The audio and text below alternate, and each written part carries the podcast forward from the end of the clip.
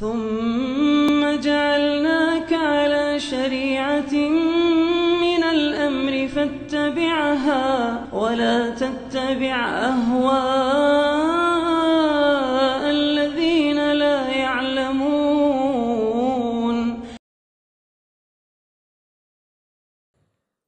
بسم الله الرحمن الرحيم. الحمد لله رب العالمين والصلاة والسلام على المبعوث رحمة للعالمين. نبينا محمد وعلى آله وصحبه ومن تبعهم بإحسان إلى يوم الدين أما بعد kaum muslimin dan muslimat, para pendengar dan seluruh pemirsa. Assalamualaikum warahmatullahi wabarakatuh. Sebuah ayat dalam Al-Quranul Karim salah satu pedoman di dalam kehidupan ini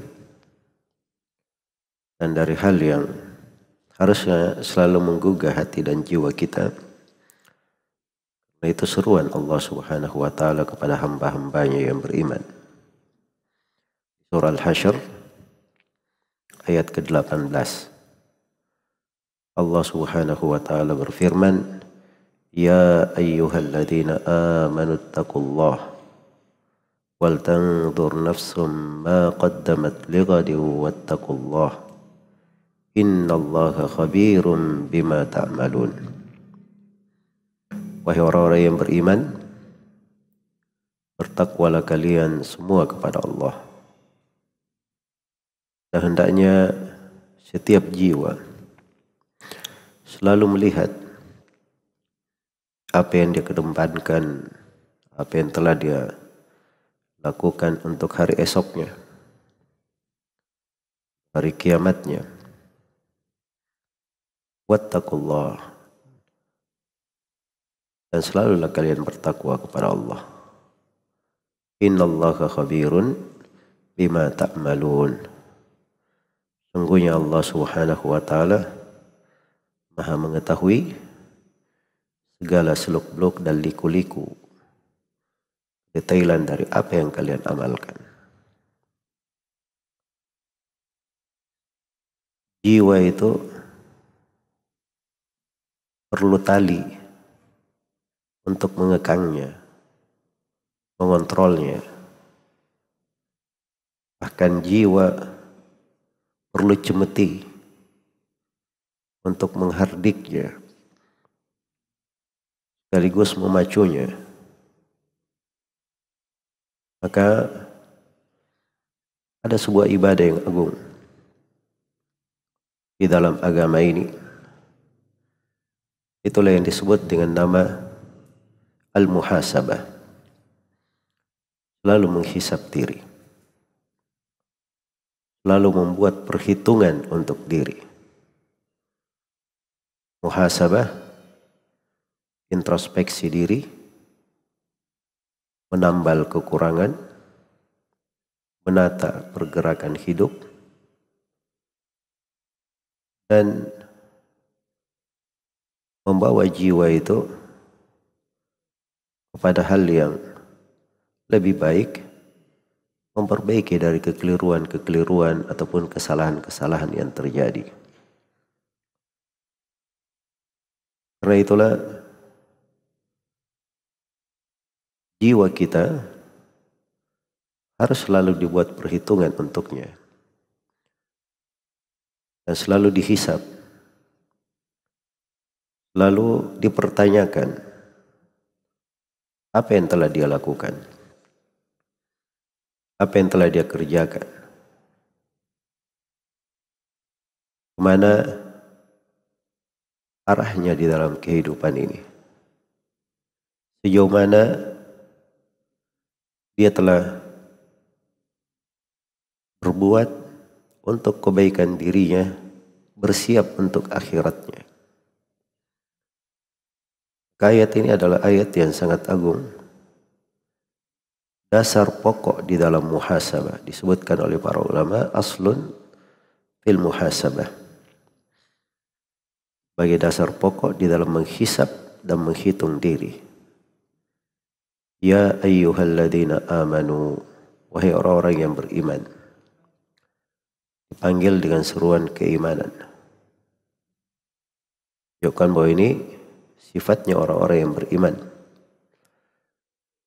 Nah hal ini adalah hal yang menambah keimanan. Dan bagian dari keimanan. Ittaqullah. Bertakwalah kepada Allah. Dimulai dengan takwa dan diakhiri dengan takwa.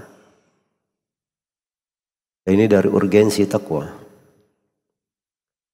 yang selalu menghiasi pendengaran kita di bulan Ramadan ini. Dari berbagai ibadah dan ketaatan, amalan-amalan salih,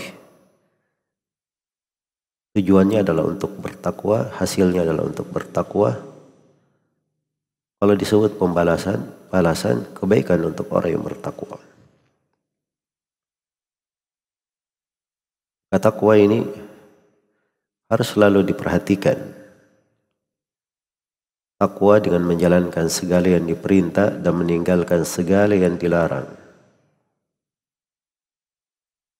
Takwa dengan selalu dia menahan jiwanya.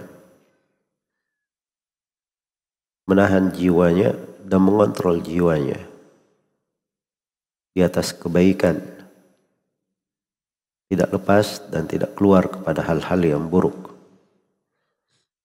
Nah, ini makna yang sangat penting untuk dicermati. Apalagi puasa kita untuk itu. Ya ayyuhalladzina amanu taqu ya ayyuhalladzina amanu kutiba alaikumus siyamu kama kutiba alal ladzina min qablikum la'allakum tattaqun. Wahai orang-orang yang beriman, telah diwajibkan atas kalian berpuasa sebagaimana telah diwajibkan atas orang-orang sebelum kalian supaya kalian bertakwa. Supaya kalian bertakwa. Dan ayat ini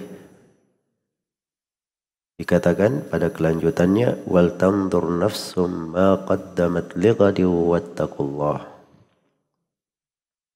Dan hendaknya jiwa selalu melihat apa yang dia kedepankan untuk hari esoknya. Selalu memperhatikan, mencermati, merenungi apa yang telah dia kedepankan untuk hari esoknya. Itulah muhasabah namanya. Muhasabah terhadap jiwanya.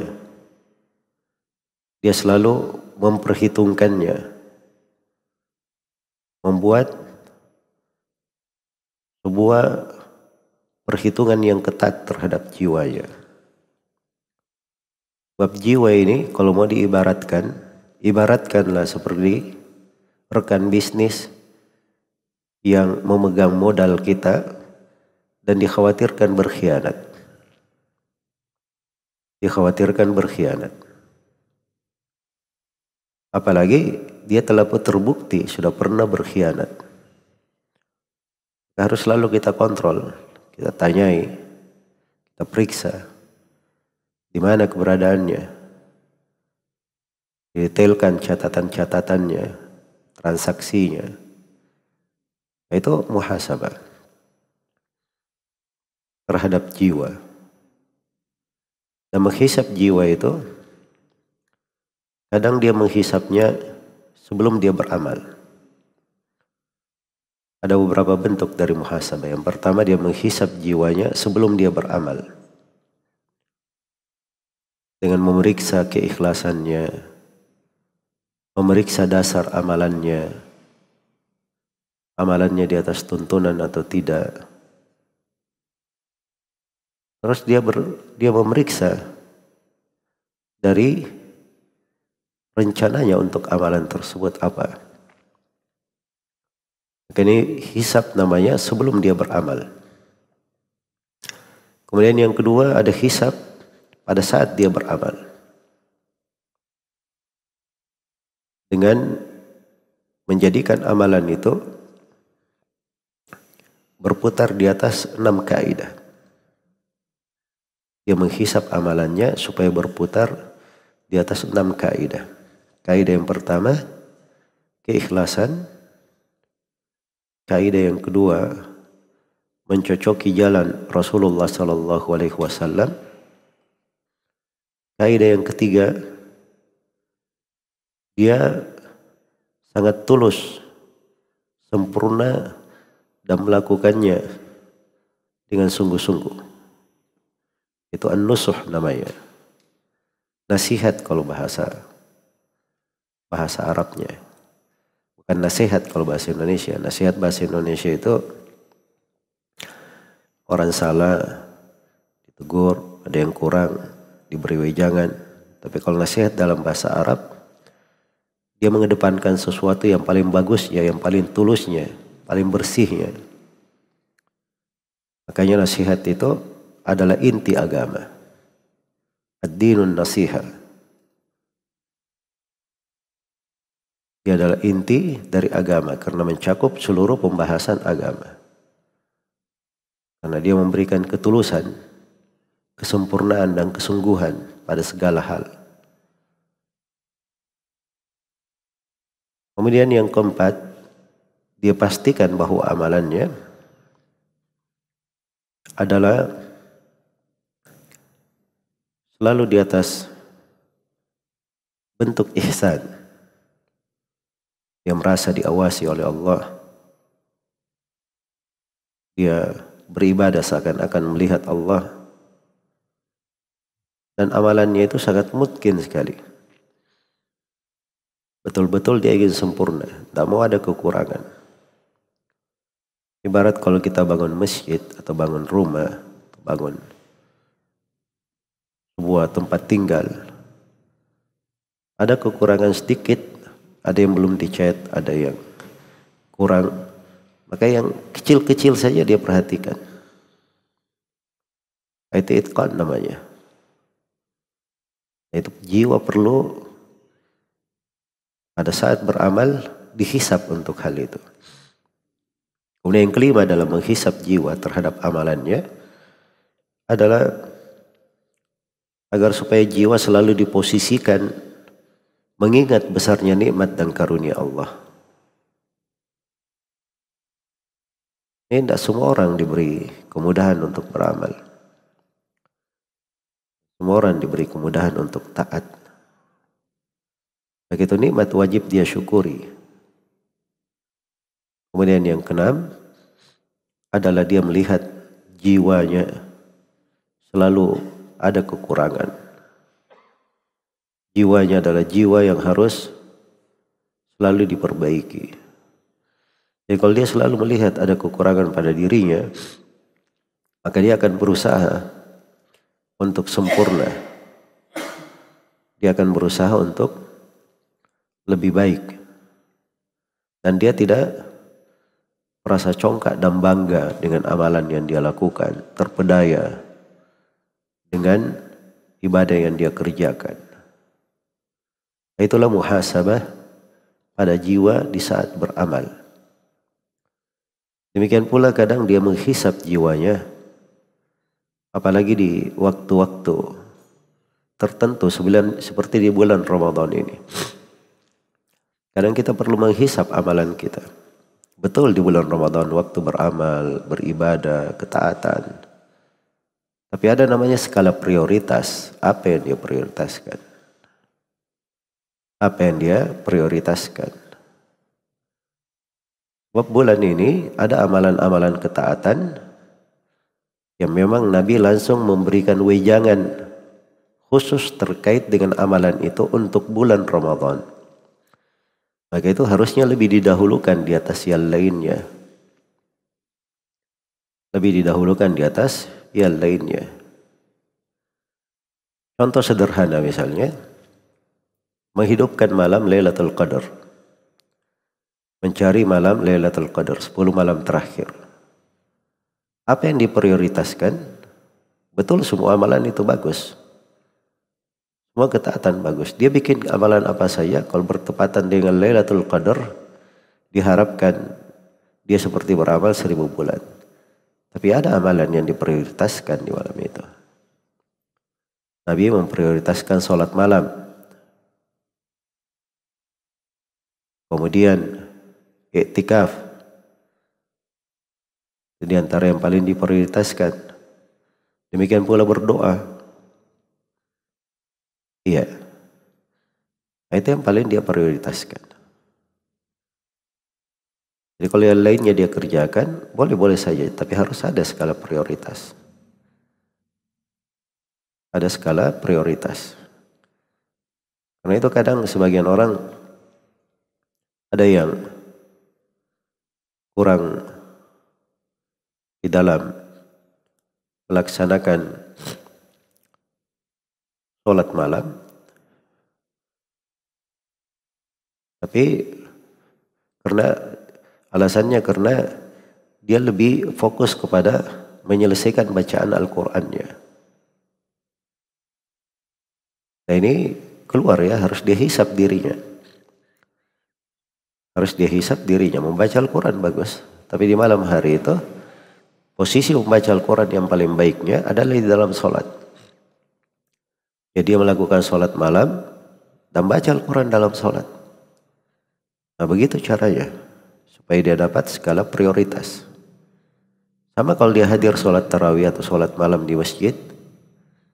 Jangan imamnya sudah berdiri sholat, dia masih duduk membaca Al-Quran. Karena ada target baca Al-Quran. Ini keliru ya, dia berdiri bersaiman dia dengar imam membaca itu seperti dia dapat pahala orang yang membaca Al-Quran. Bahkan itu yang paling afdalnya. Karena itu Nabi Shallallahu Alaihi Wasallam eh, beliau menghidupkan seluruh malamnya dengan sholat malam sampai pernah beliau imami para sahabat dari Ba'da Isya sampai menjelang sahur. Sebagian sahabat khawatir ketinggalan makan sahur.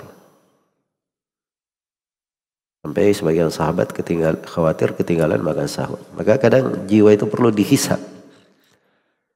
Terkait dengan amalan yang dia kerjakan. Ketaatan yang dia lakukan. Mungkin ada hal yang lebih penting untuk dia kerjakan. Daripada hal-hal yang sebenarnya tidak ada dosa di situ. Tidak ada kerugian juga hanya pada per, skala perbandingan yang paling baik, yang baik dan yang paling baik. Dan yang lebih baik. Bersamaan dengan itu dia juga menghisap dirinya di dalam hal itu. Nah, ini jenjang hisap yang luar biasa. Iya. Kemudian dia perlu banyak menghisap dirinya. Membenci dirinya pada banyak hal Nah itu kata Abu Darda radhiyallahu taala seorang itu belum menjadi ahli fikih sampai dia belajar perkara dan dia tahu apa yang buruk di tengah manusia itu buruk. Kemudian setelah itu dia lihat kepada dirinya sendiri, ternyata dirinya sendiri banyak hal yang harusnya lebih dia benci lagi. Nah, ini bentuk dari hisab dan jenjang yang sangat mendalam di dalam menghisap jiwa. Kemudian yang ketiga ada namanya menghisap diri setelah dia beramal. Setelah dia bekerja. Dilihat amalannya. Apa yang kurang. Dia berniat untuk memperbaikinya di masa mendatang. Dia berniat sungguh-sungguh lagi untuk mengerjakannya. Kemudian dia selalu berniat untuk mengedepankan hal yang terbaik di dalam kehidupannya. Maka inilah makna-makna dari muhasabah. Karena itu ayat ini perlu direnungi dari urgensi takwa yang berada di dalamnya. Yang kedua, perintah untuk selalu menghisap. Dan sebagian ulama mengatakan bahwa menghisap jiwa itu adalah kewajiban. Adalah kewajiban. Karena datang dalam bentuk perintah. Kemudian yang ketiga, terdapat bahwa seorang itu harus selalu mempersiapkan perbekalannya di akhirat. Wal tandur nafsum ma qaddamat lighad. Hanya setiap jiwa mempersiapkan apa yang dia kedepankan untuk hari esoknya, untuk hari akhiratnya. Ini tabungan yang paling penting yang harus disiapkan Lalu dia lihat tabungannya sudah kayak bagaimana. Lalu dia hitung untuk hal itu bagi dirinya. Awal ayat diperintah bertakwa, akhir ayat diperintah bertakwa. Kemudian ditutup dengan peringatan dari Allah. Ini bahasa peringatan. Inna Allah khabirun bima ta'malun. Hati-hati. Allah maha tahu apa yang kalian lakukan. Jangan bergampangan. Jangan pula menyepelekan. Jangan kucing-kucingan. Jangan mengakal-akali. Allah subhanahu wa ta'ala tidak ada yang luput darinya sesuatu apa pun. Dia maha khabir. Khabir itu itu jenjang lebih tinggi daripada ilmu. Khabir digunakan untuk bahasa lebih mendalam dan lebih merinci di dalam mengetahui. Ya kalau saya tahu misalnya ada mobil uh, merek Avanza, saya tahu begitu. Itu ilmu namanya. Saya tahu tentang mobilnya, yang berapa cc dan sebagainya. Saya, itu ilmu. Tapi kalau misalnya saya tahu mobil itu mesinnya, isinya, seluk-beluknya di dalamnya, itu hibrah namanya. Itu hibrah.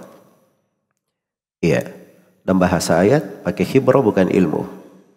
Inna Allah khabirun bima ta'malun. Allah maha khabir. Sangat mengetahui liku-liku seluk-beluk. Apa yang kalian lakukan. Besar maupun kecilnya yang tersembunyi. Jangan menipu. Seakan-akan itu ikhlas, bagus, ternyata di dalamnya terdapat niat-niat yang tidak baik. Allah semuanya maha tahu akan hal itu. Tadi luput bagi Allah terhadap segala amalan kalian. Dan ini peringatan yang sangat besar. Yang jelas muhasabah ini pintu yang luas dan pembahasan yang harusnya banyak kita ulangi dan perlu diuraikan dari berbagai sudut pembahasan. Dan saya ingatkan di akhir dari kalimat ini dari ucapan Umar bin Al-Khattab radhiyallahu taala anhu Hasibu anfusakum qabla an tuhasabu. Hisablah diri-diri kalian sebelum kalian semua dihisab. Wazinuha qabla. Dan hendaknya kalian menimbang diri-diri kalian sebelum kalian ditimbang pada hari kiamat. Watazayyanu lil ardil akbar. Dan berhiaslah untuk hari perhitungan yang terbesar. Itu hari kiamat. Semoga Allah subhanahu wa ta'ala mengampuni kita semua menjadikan akhir dari Ramadan ini sebagai sarana untuk kita semua guna lebih banyak menghisap diri, menatanya, memperbaikinya, menggunakan akhir dari waktu-waktu ini dan berniat untuk membuka lembaran-lembaran yang lebih indah di masa mendatang. Innahu waliyudzalika wal qadiru wallahu taala alam.